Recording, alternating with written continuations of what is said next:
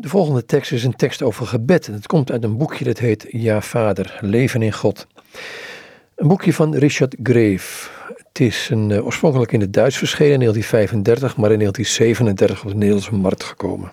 De tekst gaat als volgt, over het gebed. Leer ons bidden, staat erboven.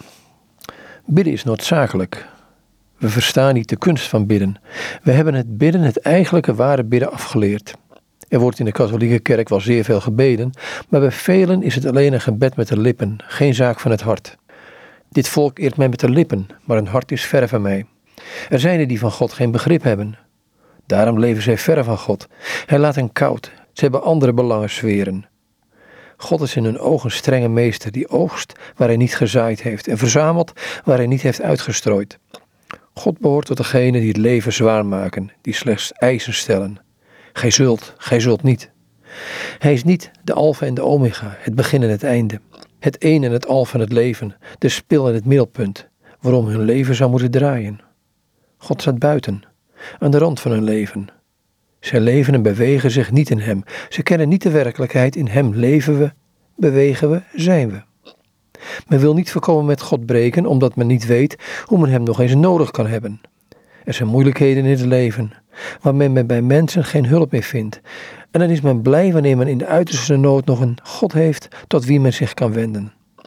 God is voor hen slechts een helper in nood. En wanneer zij bidden, dan verlangen slechts één ding. Heer, geef dat mijn wil geschieden. Is het niet dikwijls het gebed van ons allen? Als God kinderen mogen wij onze hemelse Vader om alles vragen, wanneer wij aan ons gebed slechts stilzwijgen de mening ten grondslag leggen. Niet mij wil geschieden, maar de uwe. Is hetgene waar wij om bidden steeds goed? Zijn we niet gelijk kinderen die altijd dadelijk naar het schitterende, glinsterende, in het oog vallende, naar het zoete grijpen? Hoe arm zouden wij mensen er dikwijls aan toe zijn als God ons, ons steeds onze zin gegeven had. We zouden menigmaal letterlijk ingelopen zijn. Later zijn we misschien blij geweest en hebben hem gedankt dat hij onze zin niet heeft gedaan. Verheugen we ons toch met de heilige Teresa dat we mogen bidden, Heer, u wil geschieden. We weten niet eens wat we horen te vragen. God weet waar het ons aan ontbreekt en waar het hapert. Geven wij ons geheel aan Hem over, zowel in het gebed als in het leven. Werp op Hem al uw bekommernis, want Hij zorgt voor u. Zoek eerst het rijk van God en zijn gerechtigheid, en dit alles zal u bovendien geschonken worden. Veruit de meeste katholieken kennen alleen het mondgebed, dan toch maar een hele kleine strook, het voorterrein van het wijde gebied is dat wij gebed noemen. Van een innerlijk of mediterend gebed hebben zij geen idee. Het gaat er ongeveer zoals de bewoners van Efeze.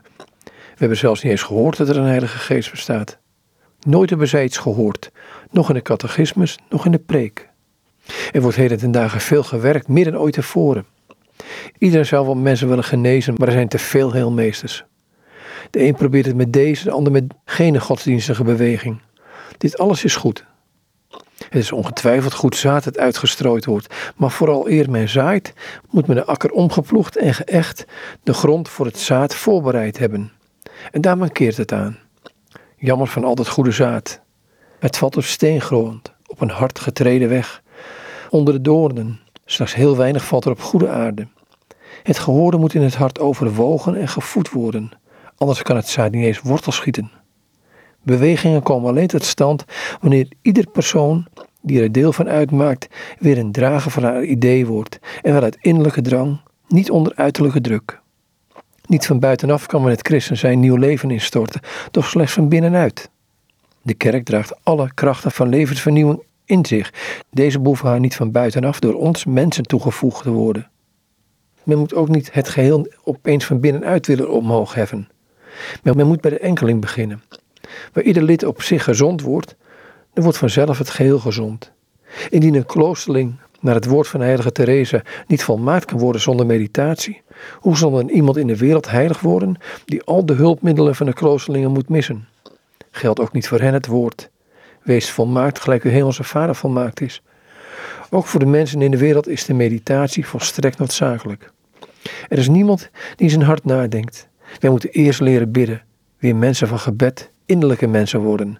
Dan is de grond bewerkt. Dan kan men zaaien en men zal ook de vreugde van het oogsten mogen beleven. Al dus Richard Grave uit het boek Ja Vader, uitgegeven alweer in 1937.